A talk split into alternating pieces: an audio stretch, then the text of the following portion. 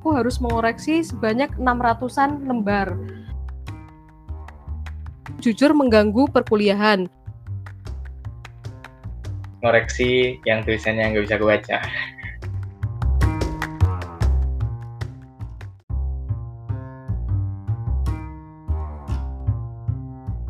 Halo warga teknik kimia, kembali lagi di podcast Polimer yang paling fenomenal. Apalagi kalau bukan podcast Evo yang ketiga. Jadi di podcast Evo 3 kali ini kita bakal bawain materi Between Careers and Studies. Perkenalkan dulu nih teman-teman, namaku Davano Falaziz atau biasa dipanggil Danau dari Teknik Kimia Angkatan 2020. Di sini aku juga nggak bakal sendirian nih, tapi aku bakal ditemenin sama partnerku Halo, perkenalin, aku Salwa Herunisa Salsabila. Kalian bisa panggil aku Salwa aja dari Teknik Kimia 2020. Aku sama Danau bakal nemani teman-teman nih untuk ngobrol-ngobrol bareng dengan pembicara-pembicara yang keren banget selama beberapa waktu ke depan. Ngobrol? Mau ngobrolin apa sih emangnya, Sal? Ya, sesuai dengan judulnya dong, Now. Between Careers and Studies. Kita bakal ngobrolin seputar karir di Teknik Kimia UGM, seperti ASLab, grader, ataupun tutor, dan juga pengalaman magang dan intern. Oh, bakal menarik banget gak sih, Sal? Aku udah gak sabar banget deh.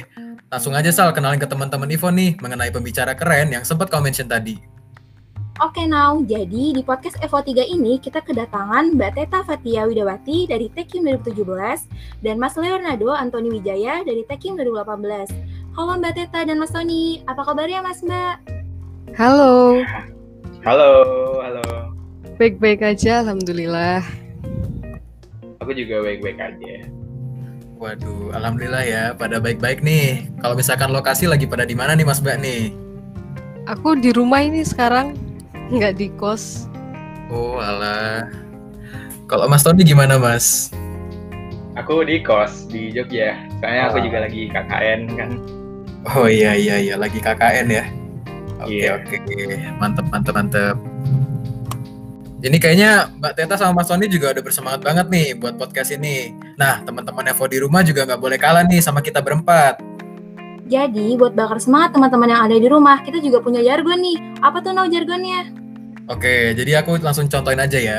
Kalau misalkan aku bilang Polimer 2021, teman-teman sama Mbak Teta sama Mas Tony juga boleh nih ikutan nih. Jadi nanti kalau misalkan aku bilang Polimer 2021, kalian bilang Feni, Vidi, Vici gitu ya. Langsung aku mulai nih. Polimer 2021, Feni, Feni, Vidi, Vidi. Vici. Wih, mantap banget nih semangatnya. Semangat teman-teman juga sampai sini loh kedengerannya. Oh iya, karena kita udah kebakar nih semangatnya, mending kita langsung aja cus kepoin Mbak Teta dan Mas Tony. Oke oke, mungkin aku kenalin Mas Tony dulu nih. Jadi Mas Tony ini salah satu mahasiswa Tekim yang sangat berpengalaman dalam magang, grader, dan juga tutor. Oh, keren banget nih. Tapi now kita tuh masih punya satu pembicara lagi yang pengalaman-pengalamannya nggak kalah bikin insecure loh. Jadi kita kedatangan Mbak Teta yang berpengalaman menjadi aslab, tutor, dan grader. Oh iya, fun fact nih guys, jadi Mbak Teta ini termasuk yang lulus pertama kali di Tekim 2017. Congratulations Mbak Teta! OMG, makasih ya teman-teman. Keren banget gak sih? Sekali lagi congrats buat Mbak Teta nih. Sip-sip, semangat juga. Yoi. Nah, pembicara di podcast ini tuh pembicara yang keren-keren banget kan, Now? Karena pembicara di podcast ini bukan pembicara yang kaleng-kaleng.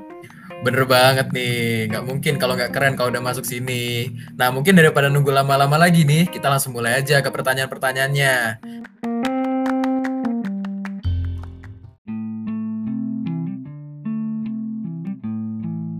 Halo warga teknik kimia, kembali lagi di podcast Polimer yang paling fenomenal. Apalagi kalau bukan podcast Evo yang ketiga. Jadi di podcast Evo 3 kali ini kita bakal bawain materi Between Careers and Studies. Perkenalkan dulu nih teman-teman. Namaku Davano Falaziz atau biasa dipanggil Danau dari Teknik Kimia Angkatan 2020. Di sini aku juga nggak bakal sendirian nih, tapi aku bakal ditemenin sama partnerku.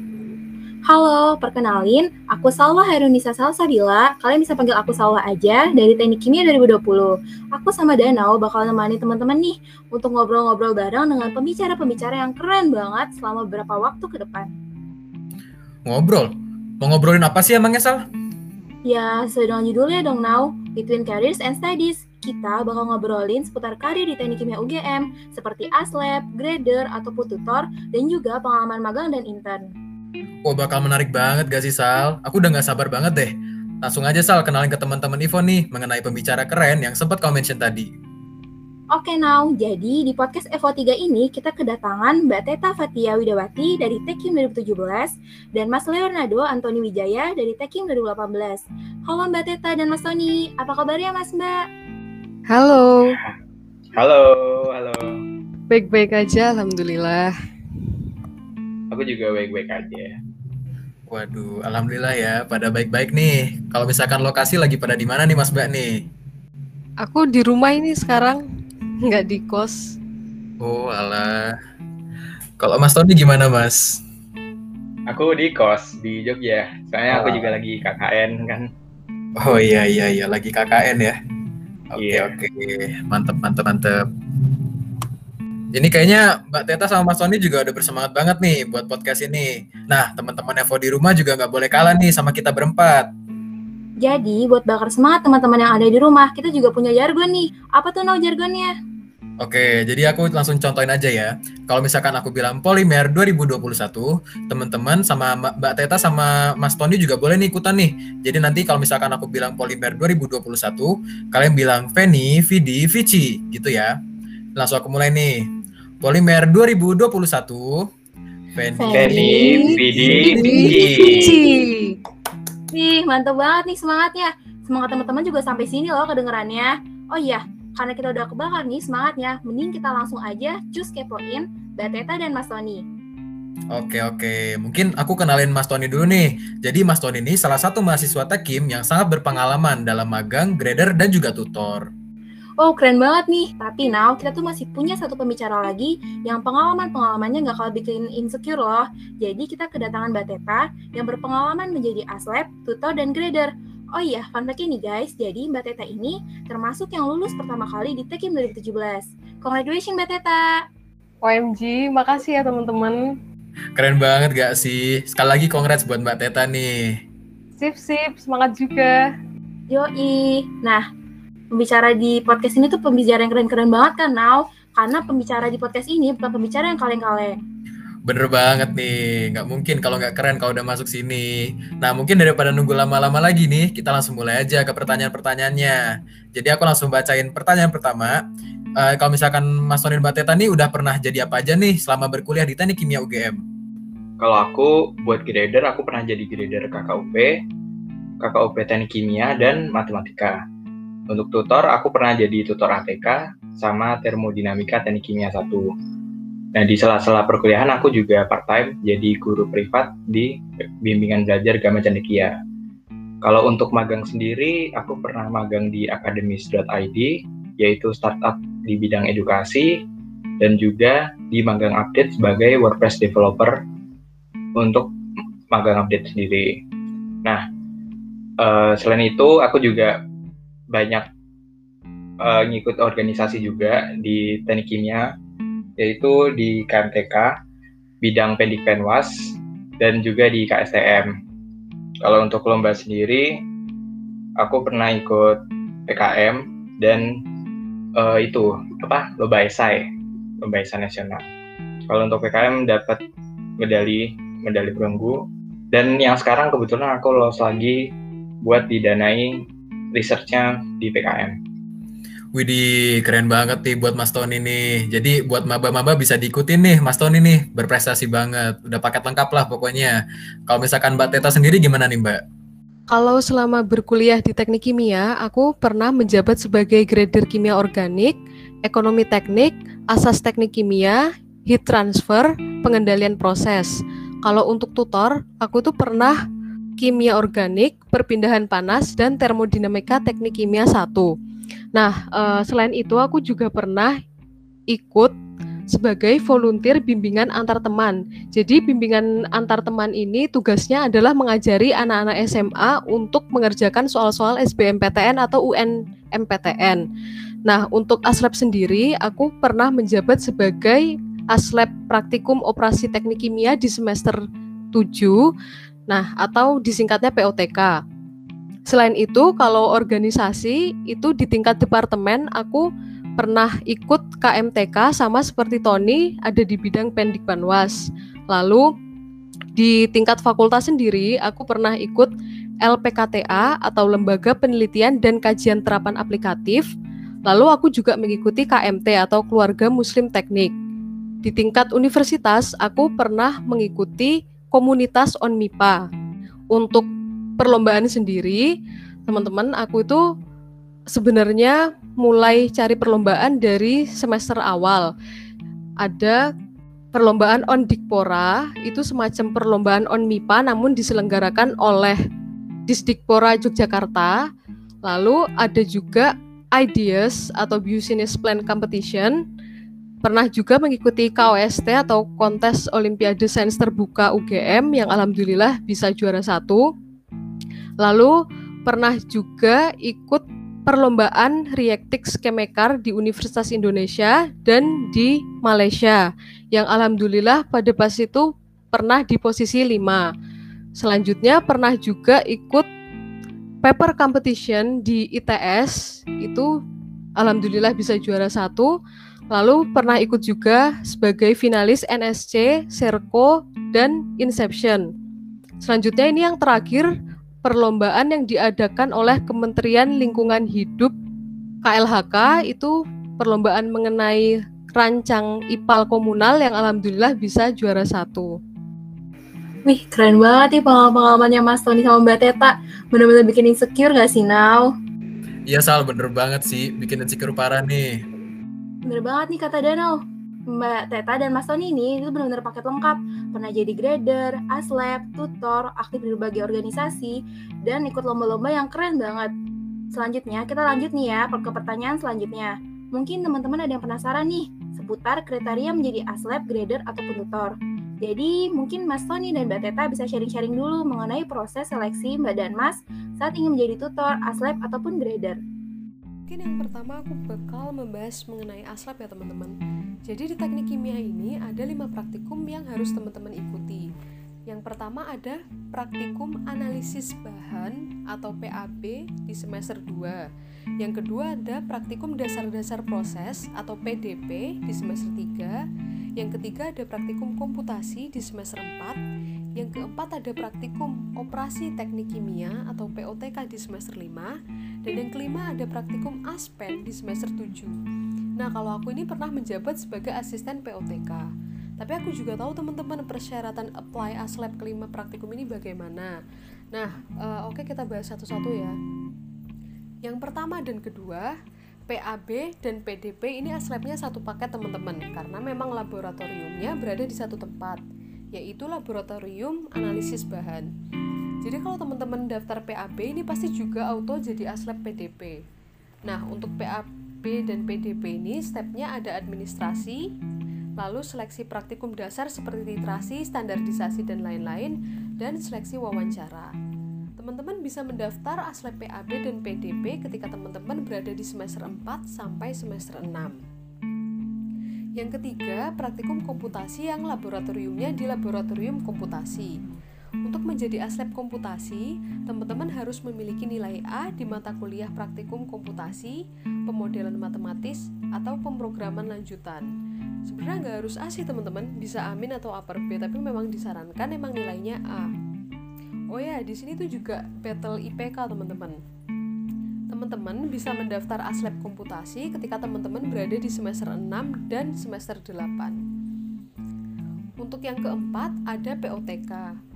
Untuk menjadi aslep POTK, teman-teman ini harus memiliki nilai di atas B untuk mata kuliah yang berkaitan dengan POTK, seperti transportasi dan penyimpanan bahan atau TPB, operasi perpindahan massa dan panas atau OPMP, perpindahan panas atau perpan, praktikum POTK sendiri, dan pemrosesan partikulat.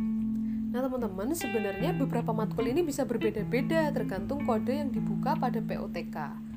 Untuk POTK ini battle IPK juga teman-teman. Nah, teman-teman ini bisa mendaftar aslep POTK ketika teman-teman berada di semester 7 dan 8. Tapi untuk POTK online ini kemarin juga dibuka untuk semester 6. Yang kelima ada praktikum ASPEN. Kalau yang ini gampang teman-teman, syaratnya itu nilai PPK ini harus di atas C+. Stepnya itu kalau nggak salah itu ada isi formulir dan wawancara. Nah, teman-teman ini bisa daftar aslep aspen ini ketika teman-teman ini berada di semester 8. Dan yang uh, dari kelima praktikum ini teman-teman, Nah, yang langsung terjun dengan bahan-bahan kimia ini ada PAB, PDP, dan POTK. Praktikum komputasi dan aspen ini kita memang mainnya di depan komputer. Kalau untuk grader, syaratnya itu adalah nilai A pada mata kuliah yang dipilih. Tapi teman-teman, beberapa dosen itu tidak mematok nilai A. Ada yang amin, ada yang upper B.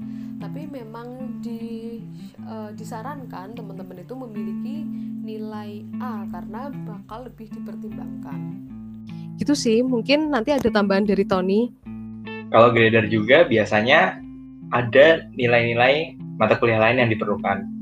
Misalkan nih ada dosen yang mengisyaratkan termo 1 harus dapat A untuk mendapatkan untuk mendaftar grader termo 2. Itu juga bisa. Itu sebagai contoh aja. Nah, grader ini nanti diseleksi oleh dosen dosen masing-masing mata kuliah pengampu. Lanjut nih untuk tutor. Tutor ini agak beda dengan grader. Kenapa beda? Karena yang pertama dari segi waktu pengumumannya nggak dijadiin satu sama grader. Tutor ini jadi seperti terpisah dari grader dan syarat-syaratnya pun sebenarnya hanya nilai A untuk mata kuliah tertentu untuk yang disyaratkan secara umum tetapi biasanya ada seleksi berdasarkan IPK juga. Nah, untuk tutor ini nanti uh, yang menyeleksi adalah sekretaris departemen. Oke oke, ini tadi buat mamba-mamba nih wajib banget nih disimak nih tadi penjelasan dari Mas Tony dan Mbak Teta. Siapa tahu mungkin dari kalian ada nih yang pengen jadi aslep, grader ataupun tutor. Bagus banget infonya nih. Oke, mungkin lanjut ke pertanyaan selanjutnya nih. Kalau dari Mas Tony dan Mbak Teta, ada tips and trick gak biar kita bisa jadi aslab, grader ataupun tutor gitu? Oke, kalau pertanyaan yang nomor tiga ini mungkin bahas pertama tentang aslab ya teman-teman. Kalau tips dan trik dariku itu lebih melihat kesaingan sih teman-teman. Jadi harus pinter-pinter survei juga. Oke, mungkin untuk spesifiknya gini Nah, untuk aslep PAB dan PDP disarankan teman-teman ini memiliki basic skill di praktikum seperti yang tadi titrasi, standarisasi itu bagaimana. Lalu ketenangan pada saat wawancara karena wawancara ini dihadiri seluruh aslep dan satu dosen. Skill komunikasi dan penyampaian materi yang baik ini juga perlu teman-teman latih. Lalu uh, ada juga nih tips tambahan yaitu koneksi dengan aslep-aslep terdahulu karena koneksi ini penting. Lalu untuk aslep POTK sebenarnya agak tricky juga karena di praktikum POTK teman-teman yang ingin menjadi aslep ini boleh memilih beberapa kode. Pada tahunku calon aslep ini bisa memilih tiga kode, tapi kalau angkatan sebelumnya ini bisa memilih lima kode. Strateginya itu adalah dengan melihat saingan. Semisal nih aku memilih pilihan pertama A, kedua B, dan ketiga C ini aku lebih baik tuh tahu kode A, B, C ini yang memilih kira-kira itu siapa aja dan IPK-nya kira-kira berapa. Nah, teman-teman ini bisa memainkan probabilitas di sini. Semisal ada saingan yang lebih berat nih, teman-teman itu bisa menukar prioritas kode atau memilih kode lain yang kiranya lebih aman. Selain dari IPK, itu salah satu aspek yang dipertimbangkan adalah dosen pembimbing setiap kode. Uh, ini ya teman-teman ada dosen yang benar-benar susah dihubungi atau dosen yang terkenal strict. Nah ini tergantung teman-teman ini pinginnya bagaimana. Karena bagaimanapun teman-teman kan harus berhubungan langsung dengan dosen pembimbing setiap kode yang teman-teman pilih. Lalu untuk praktikum komputasi itu strateginya memang teman-teman benar harus mempersiapkan matkul-matkul yang terkait dengan komputasi itu agar nilainya A atau seenggaknya mendekati Allah, amin, upper B gitu. Nah, di sini IPK juga harus diperhatiin teman-teman. Kalau untuk praktikum Aspen, strateginya adalah teman-teman memiliki e, nilai PPK atau prarancangan pabrik kimia yang bagus lah dan communication skill yang bagus karena kan di praktikum Aspen itu nanti ada salah satu stepnya wawancara. Kalau untuk grader teman-teman sebenarnya sama seperti aslab, kita lihat juga probabilitas penerimaan grader berdasarkan banyaknya saingan dan IPK. Lihat uh, lihat-lihat dulu teman-teman mana matkul yang kira-kira menjadi favorit yang banyak mendaftar atau bagaimana. Nah, itu sebenarnya tergantung teman-teman sih. Uh, tapi kalau misalnya aku memilih grader ini aku juga melihat kira-kira jumlah koreksiannya yang banyak itu mana. Karena kan semakin banyak jumlah koreksian itu income dari departemen yang bisa kita dapetin itu juga banyak gitu. Jadi uh, seperti contoh itu ATK perpindahan panas lalu pengendalian proses itu kan mata kuliah mata kuliah yang uh, memang memiliki PR yang banyak gitu. Jadi itu bisa sebagai salah satu pertimbangan lah untuk pemasukan income itu seperti kayak gimana. Iya benar banget nih dari Mbak Teta. Nah biasanya juga ada beberapa matkul yang memang difavoritkan untuk dipilih ya, oleh mahasiswa untuk mendaftar grader jadinya di sini perhatiin baik-baik juga apa matkul yang dipilih oleh mahasiswa dan misalkan yang matkul yang tidak terlalu rame itu biasanya chance-nya lebih besar. Nanti untuk daftaran grader ini ada tiga pilihan yang ditawarkan oleh pengurus kepada mahasiswa pendaftar.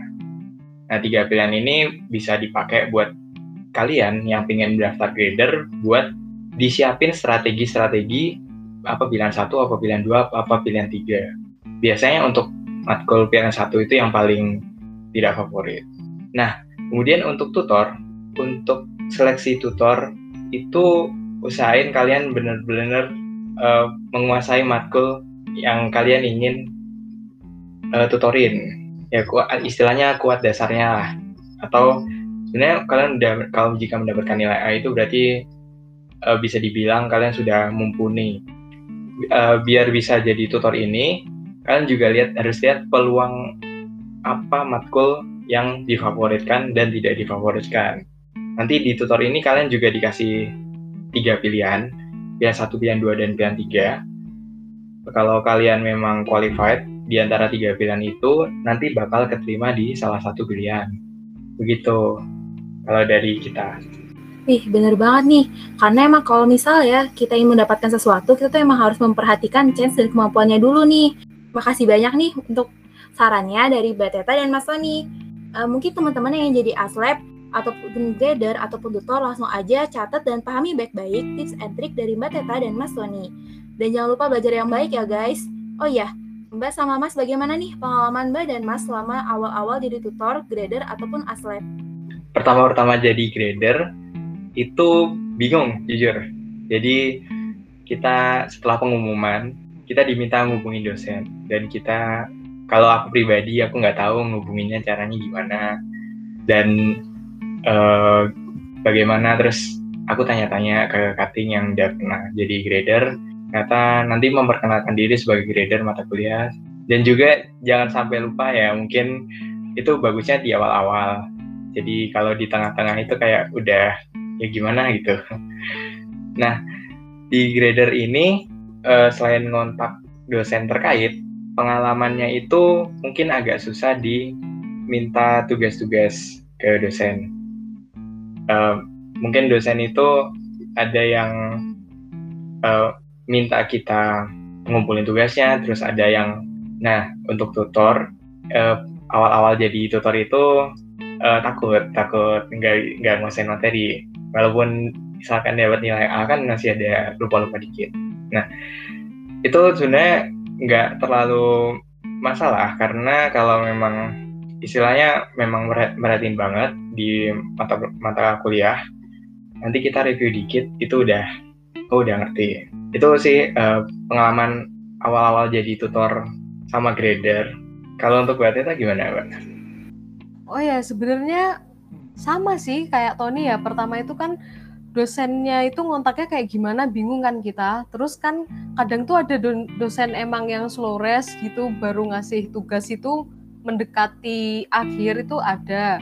Terus tuh sebenarnya kalau awal-awal mulai jadi grader itu aku lebih sulit itu ke standarisasi nilai sih teman-teman. Maksudnya kan kayak aduh ini nilainya nanti aku kasih terlalu kecil apa enggak atau terlalu gede atau enggak. Nah biasanya kalau untuk nilai ini aku standarisasi itu dengan grader-grader lain gitu.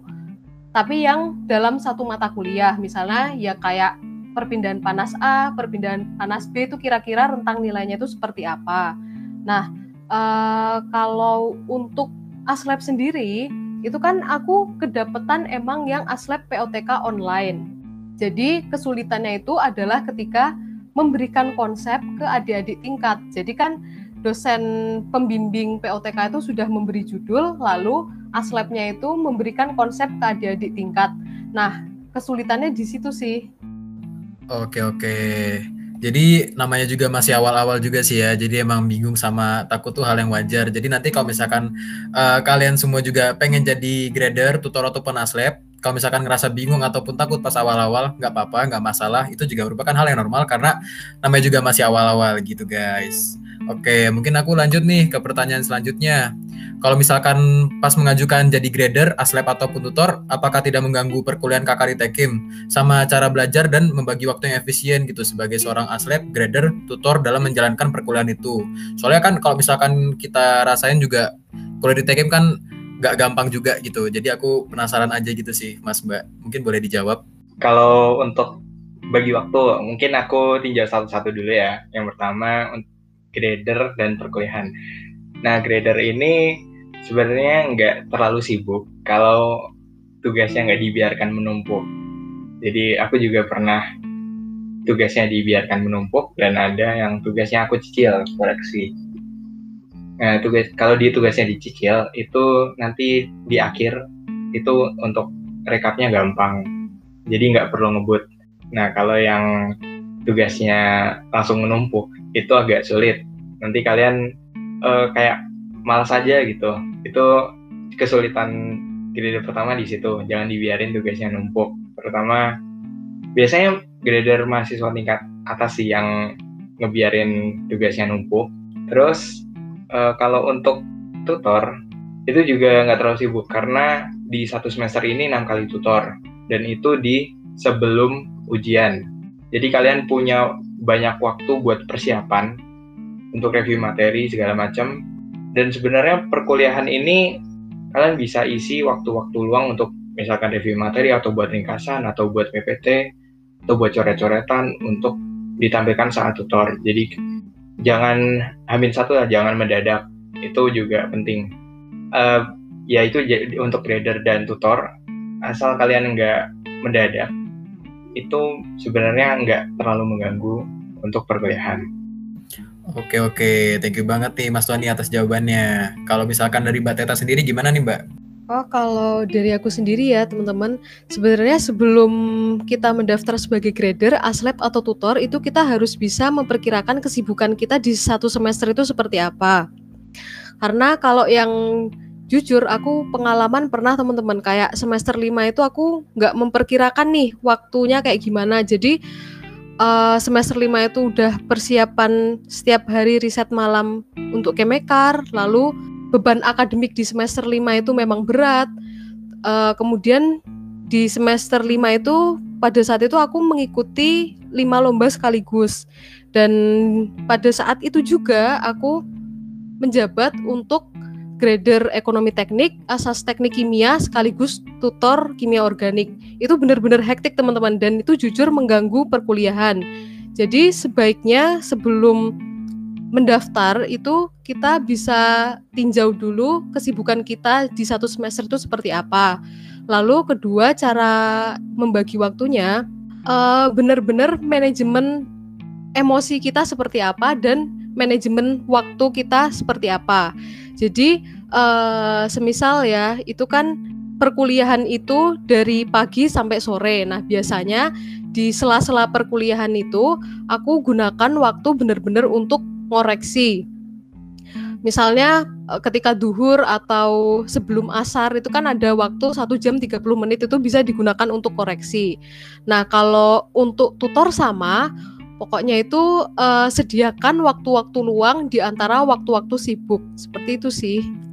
Ih, Mas Mbak, kayaknya kelihatannya sibuk banget nih Mas. Tapi uh, pernah nggak sih uh, refreshing gitu sama teman-teman di sela-sela organisasi ataupun kesibukan kuliah? Ya pernah dong. Jadi kita nggak, kalau dari aku, aku nggak cuma kuliah. Terus misalkan ngaslep atau tutor atau grader, atau kesibukan lain, tapi aku juga banyak refreshing, banyak kumpul-kumpul sama teman. Terutama misalnya yang temennya yang jadwalnya mirip-mirip gitulah, itu bisa jadi teman ngumpul bareng temen main bareng. Kadang kita kadang-kadang kita juga jalan-jalan atau cuma nongkrong di kosan siapa gitu.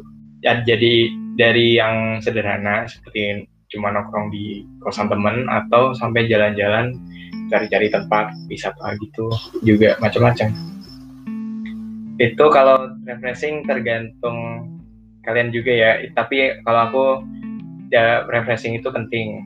Jadi biar nge, nge, kayak nge-refresh agar kita itu dapat bekerja kembali. Tapi juga jangan kebanyakan untuk refreshing. Iya sih bener kata Tony. Kayak kalau aku sih uh, kalau bener-bener waktunya bisa refreshing ya udah kayak sekitar jalan-jalan gitu naik motor misalnya keliling Tugu atau ke alun-alun kidul gitu ya.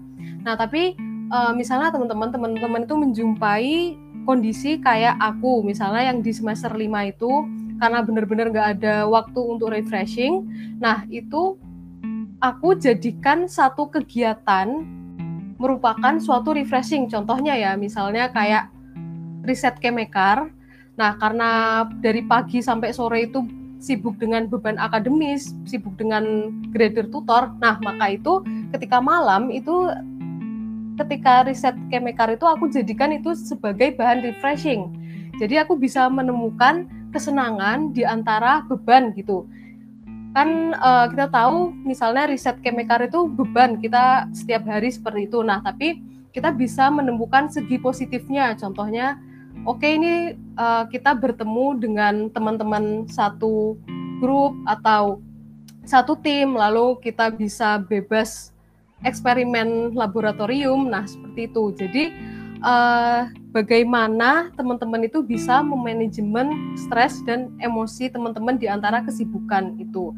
Nah uh, juga ini sih teman-teman. Teman-teman itu nggak boleh untuk mengabaikan waktu tidur teman-teman jangan sampai waktu tidur itu kepangkas gitu. Wih, bener banget nih kata-kata dari Mas Tony dan Mbak Teta. Kalau misalnya kita ingin pengen sukses, jangan lupa buat istirahat dan refreshing ya teman-teman. Karena refreshing ini tuh penting banget agar kita nyaman dalam berproduktivitas. Nah, selanjutnya nih, aku pengen nanya, kira-kira dari Mas Tony dan Mbak Teta, apa aja suka duka dari menjadi aslab, grader, ataupun tutor? Kalau dari aku dulu, eh, jadi grader dulu, suka dukanya, sukanya dulu ya sukanya itu yang pertama dosen jadi kenal kita terutama dosen matkul-matkul tertentu. Jadi kayak nomor kita di save gitu terus ya senang aja gitu. Dosen jadi tahu kita kita nggak perlu perkenalan ulang kan ribet. Lalu untuk dukanya jadi grader itu ngoreksi yang tulisannya nggak bisa kebaca. Nah uh, ini dukanya juga. Kadang-kadang ada beberapa yang tulisannya beda banget sama tulisan kita terus nggak kebaca terus uh, apalagi online kayak gini kan. Beberapa uh, file itu ada yang mungkin korup atau ngeblur. Tapi aku, kalau sebagai reader aku usahain uh, semaksimal mungkin. Jadi kalau korup aku minta filenya ulang. Kadang-kadang aku akalin biar filenya bisa dibuka. Oh ya ada juga beberapa misalnya salah ngirim file. Itu aku biasanya minta ulang atau ada yang submit tugasnya kembali ke tugas satu ke tugas dua atau tugas dua ke tugas satu. Itu aku juga nggak apa-apa. Kalau mungkin ada graded yang strict banget itu mungkin bisa salah. Tapi kalau aku ya nggak apa-apa. Itu. Kalau untuk tutor eh, sukanya juga sama. Kita ada konsultasi juga dari penutor ke dosen tentang konsultasi konsultasi terkait materi. Jadi dosen juga tahu kita, oh kita sebagai penutor. Kalau untuk dukanya tutor, itu kadang kita ada materi yang susah banget. Walaupun kita udah apa gitu, udah misalkan dapat A, tapi ada beberapa yang kita masih nggak ngerti, cuma ngapalin rumus doang. Jadi kalau ditanya pertanyaan susah juga kita nggak ngerti. Itu uh, dukanya di situ. Kalau memang ada materi yang udah advance banget, kita cuma ngapalin rumus atau misalkan MTK itu kita cuma ngapalin penyelesaiannya ya kita nggak bisa jelasin itu dukanya di situ susahnya di situ tapi kalau dari aku sebagai penutor bakal berusaha juga semaksimal mungkin sih buat uh, mengurangi duka tersebut Nih bener banget nih teman-teman. Jadi nanti kalau misalnya teman-teman ngerjain tugas, tulisannya itu yang rapi banget, jangan sampai susah kebaca. Kalau susah kebaca kan nyusahin grader juga, ya nggak sih? Oh iya, kalau misalnya dari Mbak Teta, pengalaman suka dukanya selama menjadi grader, aslep atau tutor itu apa aja sih Mbak? Mungkin kalau ini ya, kalau sukanya itu sama seperti Tony ya, jadi lebih kenal dengan dosen, lalu uh, dapat income juga kan kalau dari grader, tutor, dan aslep. Nah, kalau oh ya sebenarnya sukanya itu kita juga bisa nge-callback gitu loh materi yang lama dan ini tuh sangat berpengaruh di tugas akhir kita di KP atau kerja praktek di TPPK atau tugas prarancangan pabrik kimia maupun di penelitian. Itu kalau untuk sukanya. Kalau untuk dukanya itu uh, benar kalau yang online itu filenya itu suka korup atau memang tidak kebaca. Uh, lalu ini teman-teman, beberapa dosen itu terkadang memberikan tugas yang melebihi batas. Misalnya, contoh aku pernah ATK itu pernah dapat 10 tugas itu. 10 tugas padahal satu kelasnya itu ada 60-an siswa. Jadi aku harus mengoreksi sebanyak 600-an lembar. Selanjutnya itu uh, terdapat beberapa dosen itu yang suka men-challenge grader-gradernya. Contohnya itu uh, mata kuliah fisika atau perpindahan panas yang diampu Bututi itu biasanya Bututi itu meminta jawaban grader. Jadi itu grader menilai itu bisa dipertanggungjawabkan. Lalu Bu Aswati juga pernah menyuruh aku untuk menulis jawaban yang benar dari soal-soal yang diberikan itu seperti apa. Nah, eh, pernah juga ada eh, Pak Aziz untuk mata kuliah pengendalian proses. Aku itu pernah di-challenge untuk mengerjakan satu soal yang itu susah sekali. Nah, Pak Aziz itu hanya bilang ini mahasiswa tidak bisa mengerjakan dan ini tolong dikerjakan seperti apa. Nah, itu kan uh, kadang aduh ini kayak gimana caranya nggak ngerti terus misalnya cari-cari di internet juga penyelesaiannya itu nggak ada atau penyelesaiannya itu hanya shortcut terus kita tanya ke teman-teman juga nggak ada nah itu kan kayak ngepush kita gimana uh, caranya bisa ngerjain itu gitu uh, mungkin oh iya kalau untuk aslab nah teman-teman jadi aslab POTK ini uh, sukanya ya sukanya itu memang income-nya itu banyak uh, pendapat dari departemen itu lah ngasihnya itu banyak. Tapi kalau dukanya itu ketika misalnya kita tuh memberikan konsep dan konsep itu tuh nggak sampai ke adik tingkatnya. Kan kalau POTK itu setiap minggu itu kita ada kayak presentasi ke dosen.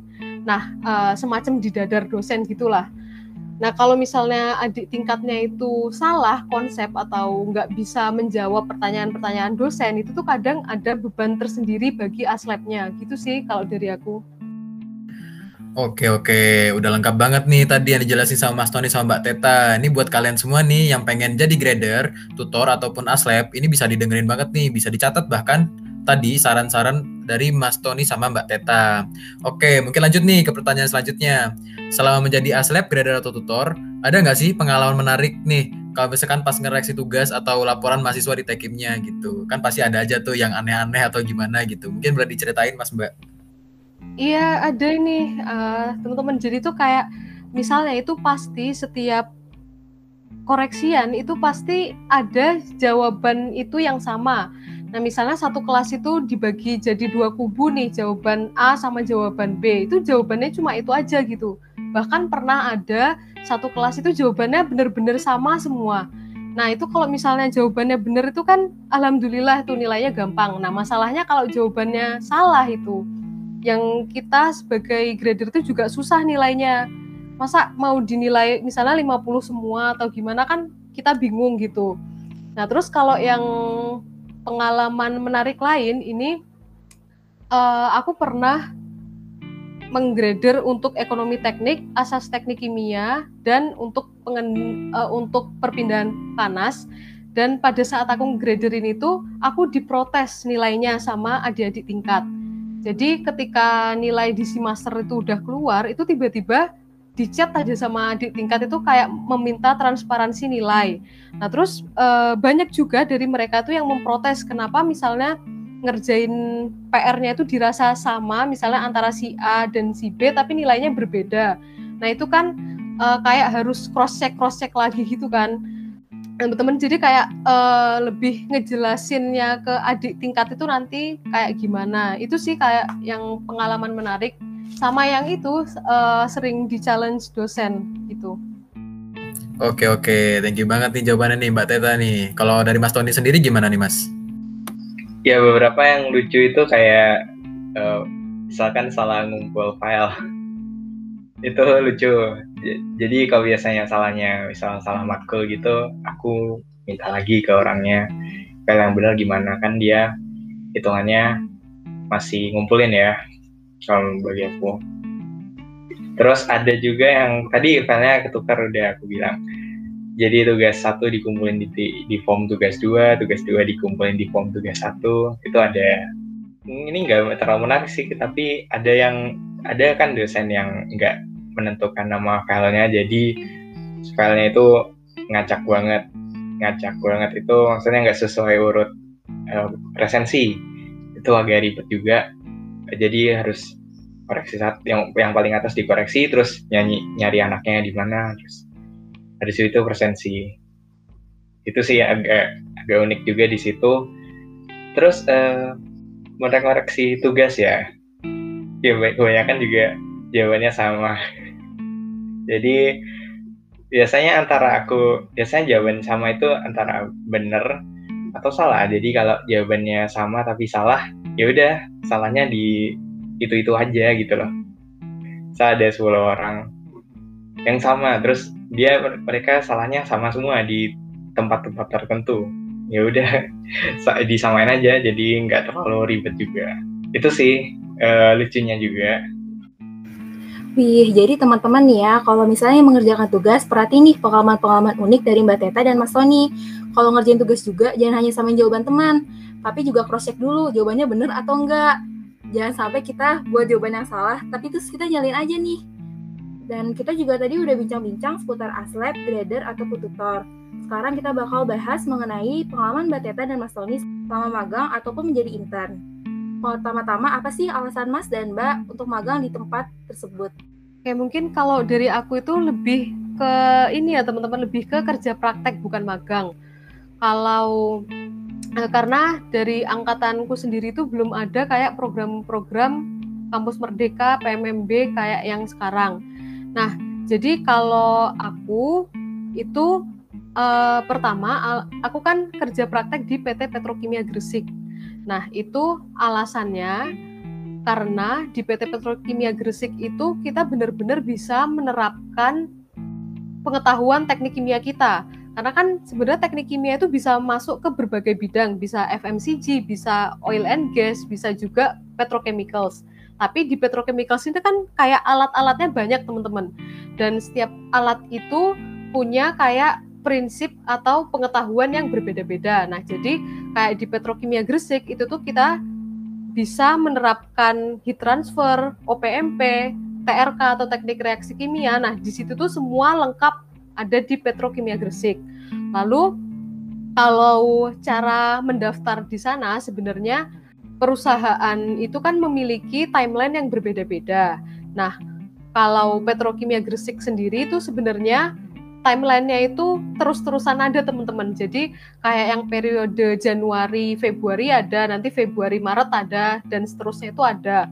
Nah, uh, tugas kita di sini itu adalah selalu memantengin lah atau kayak kita ngelihat websitenya terus lah gitu. Kira-kira bukaannya itu pada tanggal berapa, lalu kita penuhi urusan administrasinya mudah gitu. Kalau ini ya teman-teman, mungkin pengetahuanku sedikit tentang magang-magang bukan KP ya, ini di luar kerja praktek. Nah, sebenarnya kayak Petrokimia Gresik, lalu habis itu Pertamina, terus PJB atau Pembangkit Jawa Bali itu kan kayak banyak juga membuka magang, tapi tidak sesering yang lain lah gitu. Nah, uh, biasanya kan mereka membukanya itu batch ada batch satu, batch dua gitu kan ya teman-teman. Jadi uh, kita itu sering-sering aja lah kayak mantengin Instagram Instagram atau kayak website website misalnya di IG itu ada loker BUMN atau apa. Nah, di sana kan banyak info-info mengenai magang.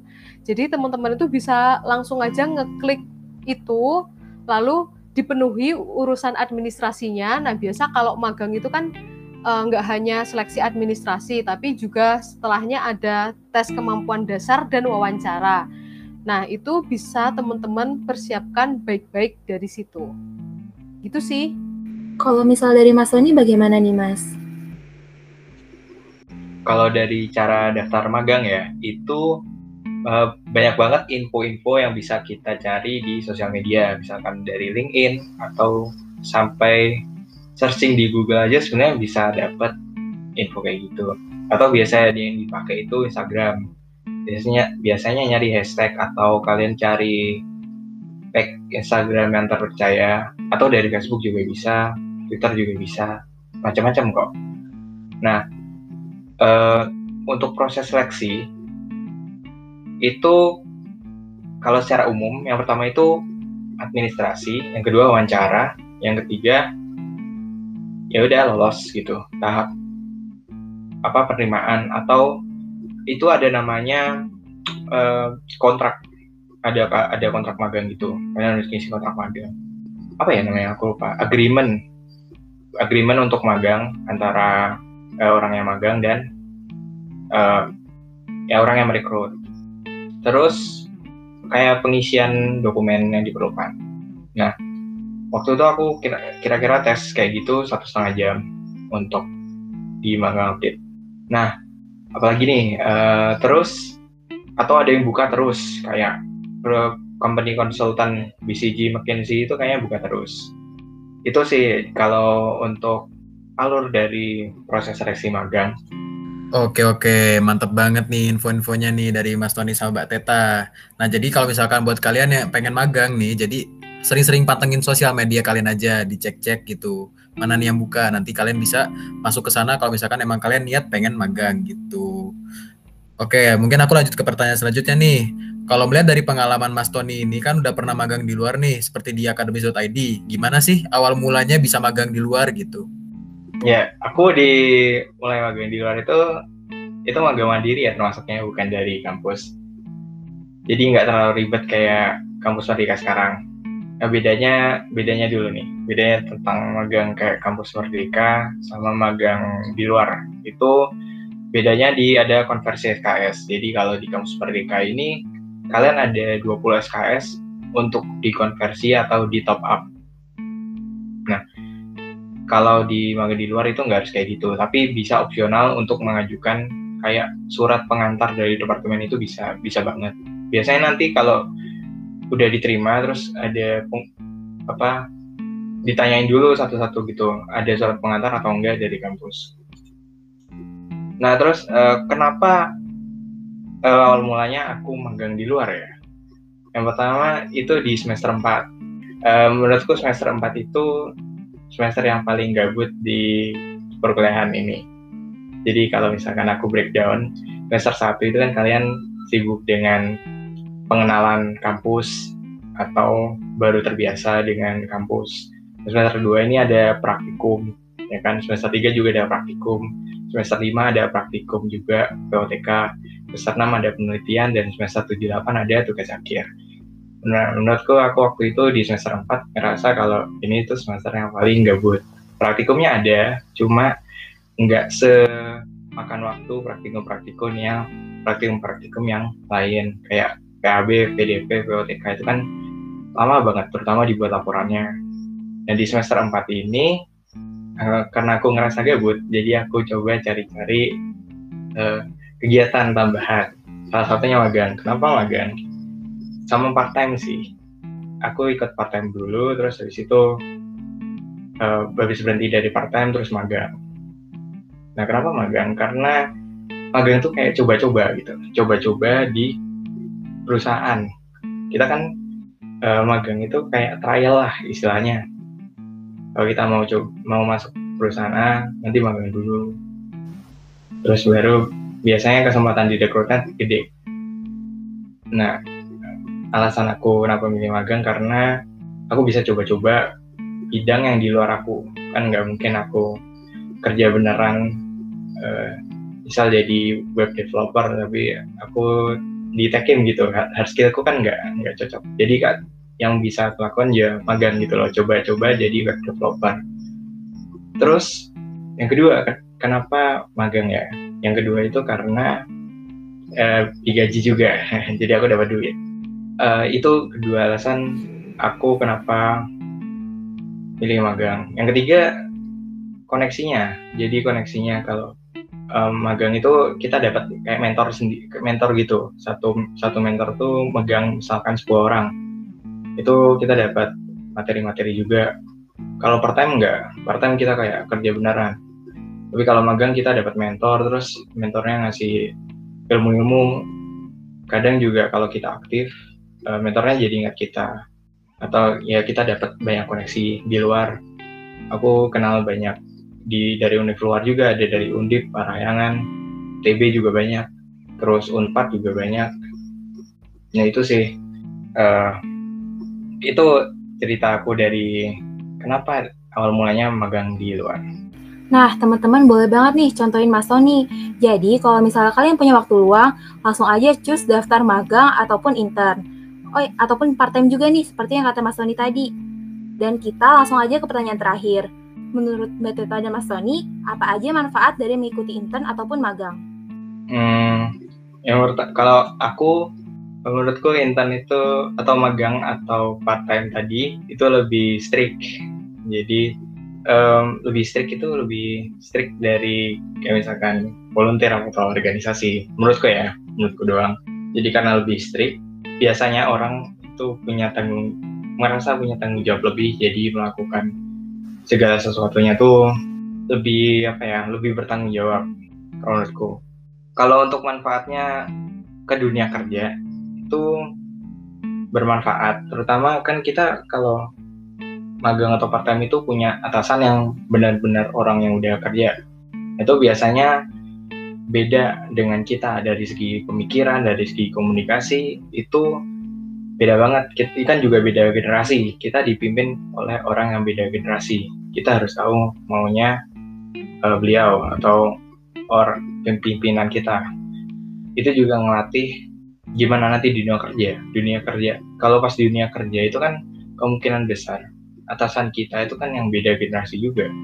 Misalkan beda 10 tahun atau beda lebih dari 10 tahun misalkan di situ juga kita melatih komunikasi melatih uh, bagaimana cara cara kita dipimpin atau cara kita ya ber berkomunikasi dengan atasan kita atau uh, banyak juga dari orang yang backgroundnya beda-beda.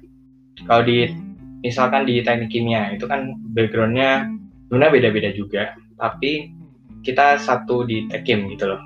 Jadi apa ya background kita tekim sebenarnya, background edukasi. Tapi kalau kayak uh, cari pengalaman di luar itu kayak magang itu kan backgroundnya beda-beda. Ada yang anak hukum, ada yang anak manajemen, ada yang anak uh, pertanian juga ada, ada yang anak desain grafis mungkin, ada yang anak komputer. Jadi beda-beda. Jadi itu juga ngelatih cara kita teamwork untuk uh, orang yang backgroundnya beda-beda gitu loh. Dengan orang yang oh, unik lah, katakanlah unik dan cara kerjanya tuh beda jauh sama kita atau sifatnya beda jauh sama kita gitu kalau dari aku. Kalau misalnya dari Mbak Teta, menurut Mbak Teta itu benefit minggu intern itu apa aja sih Mbak? Oh sebenarnya itu gini sih, kan kita tahu kalau saat ini tuh tenaga kerja banyak ya teman-teman. Dari teknik kimia itu juga berburu tenaga kerja. Ini kan udah fasenya nggak kayak fase zaman dulu. Kalau fase zaman dulu itu job atau lapangan pekerjaan itu masih terbuka lebar. Nah kalau sekarang ini tuh Eh, nggak uh, setiap tahun perusahaan itu buka gitu teman-teman. Jadi uh, dan kebanyakan ketika buka itu perusahaan itu mencantumkan syarat misalnya ya fresh graduate or minimum one year experience dan one year experience-nya itu bisa kita dapatkan dari magang. Jadi sebenarnya ketika kita magang itu benar kata Tony itu tuh mempermudah kita masuk ke satu suatu perusahaan dan dengan latar belakang kita juga ya Indonesia ini yang uh, demografisnya itu menuju puncaknya ini kan berebut lapangan pekerjaan itu tuh sangat butuh teman-teman. Jadi memang aku saranin teman-teman yang mahasiswa baru atau yang apa itu cari-carilah pengalaman itu karena memang perusahaan itu lebih mengutamakan yang udah have experience one year lah minimal kayak gitu. Itu sih dari aku. Oke oke, bermanfaat banget nih info-info dari Mas Tony dan Mbak Teta nih. Nah dari tadi kan kita udah bahas banyak ya tentang materi-materi yang udah disampaikan juga sama Mas Tony dan Mbak Teta. Nah aku di sini mungkin mau ada pertanyaan penutup nih. Sebenarnya bukan pertanyaan sih, cuman aku pengen minta pesan nih buat Maba 2021. Uh, dan boleh bu, mungkin dari Mas Tony atau Mbak Teta dulu.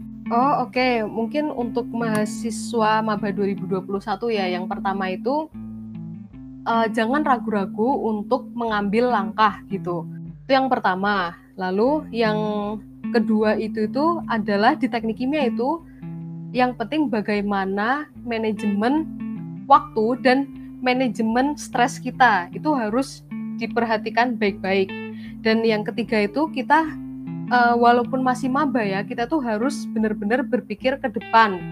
Selanjutnya dari teknik kimia itu kita mau apa? Apakah memang kita lanjut ke S2 kah atau nantinya kita ingin bekerja di perusahaan multinasional itu perlu teman-teman untuk menargetkan karena uh, jangan sampai teman-teman itu kayak terbuai lah di teknik kimia itu santai-santai aja gitu padahal sekarang persaingan kerja itu udah sangat berat gitu. Perlu misalnya magang atau seperti apa gitu. Makanya perbanyak pengalaman selama teman-teman itu ada di teknik kimia. Itu sih kalau dari aku. Oke oke. Mantap banget nih Mbak Teta nih. Kalau misalkan dari Mas Tony sendiri gimana nih Mas? Nah benar juga nambahin dari punya Mbak Teta. Itu kalau pengen memperdalam ilmu misalkan atau misal gabut kalian juga bisa coba jadi grader, tutor atau aslab itu dapat banget benefitnya kalian bisa review lagi matkul-matkul yang pernah diambil atau mungkin kalian lagi mengambil matkul yang berkaitan. Misalnya kalian lagi ngambil OPMP, kalian pengen jadi tutor ATK. Itu kan kalian memperdalam ilmu ATK kalian selagi ngambil OPMP. Dari pengalaman-pengalaman itu nanti juga bakal berbuah yang baik untuk kalian sendiri, terutama setelah lulus dari teknik kimia. Tapi juga jangan misal terlalu banyak, jadi jangan menyiksa diri kalian sendiri. Kalau terlalu banyak kan juga nggak baik. Jadi kalau misalkan kalian ada mengambil satu kegiatan kegiatan yang lain tersebut akan apa ya kayak istilahnya porsinya berkurang. Jadi di, dialihkan ke kegiatan lainnya ya jangan jangan terlalu banyak juga jangan terlalu serakah juga untuk develop diri kalian sendiri itu bisa banyak macam-macam itu bisa macam-macam nggak cuma dari aslab, grader, tutor, dan juga magang. Tentuin cara develop kalian sendiri itu caranya bagaimana dan maksimalin di situ. Oh iya, yeah. dan juga jangan lupa buat kalian yang pengen jadi grader atau tutor, pantengin terus lain KMTK. Dan untuk aslab, nanti biasanya ada pengumuman sendiri kok dari laboran terkait praktikum tertentu. Wih, keren banget dan bermanfaat banget nih wejangan yang dikasih dari Mbak Teta dan Mas Tony. Tapi selain pesan-pesan tadi, kita juga dapat banyak hal loh. Pertama-tama, beberapa praktikum membutuhkan aslab dengan nilai di atas B dan A. Begitu juga dengan grader. Grader akan diseleksi dosen-dosen pengampu mata kuliahnya berdasarkan nilai ataupun IPK. Sedangkan tutor akan diseleksi oleh sekre departemen. Dengan jadi grader ataupun tutor, kita bisa ngulang banyak materi loh. Lalu dengan ikut intern juga, kita bakal dapat menerapkan langsung ilmu-ilmu dari Tekim dan dapat banyak koneksi dari berbagai universitas. Jadi kalau misalnya teman-teman pengen ikut magang ataupun intern, teman-teman juga harus aktif nyari infonya di internet ataupun media sosial. Selain itu, magang dan part-time ini tuh ngelatih kita buat disiplin dan ngasih pengalaman kerja. Wih, ternyata banyak banget ya, Nau, hal-hal bermanfaat yang kita dapat dari podcast ini. Dan saking asiknya nih, nggak kerasa kalau misalnya kita udah mau tiba di akhir podcast. Nah, bener banget nih Sal tadi. Asik banget sih ngobrolnya. Sampai nggak kerasa kita udah di ujung nih. Oh, sedih banget. Tapi teman-teman nggak usah khawatir nih. Karena setelah podcast Evo 3, kita bakalan ada podcast Evo 4 yang nggak kalah fenomenal ya. Nah, bener banget. Jadi teman-teman jangan lupa pantengin Spotify KMTK Talks buat dapetin update buat podcast selanjutnya. Oh ya, teman-teman masih inget kan sama jargon polimer kita? Nih aku mau ingetin lagi nih, kalau misalkan aku bilang polimer 2021, kalian jawab Feni, Vidi, Vici. Oke, aku mulai nih. Polimer 2021. Feni. Feni, Vidi, Vici. Wih, keren banget nih teman-teman sama jargonnya. Dan karena kita udah sampai di penghujung podcast, kayaknya lebih enak kalau misalnya podcastnya kita tutup sama pantun kali ya. Boleh. Oke, pantun mau. Pergi ke kampung naik roda tiga. Cakep. Perginya di akhir pekan. Cakep. Sekian dulu podcast Evo 3. Sampai jumpa teman-teman.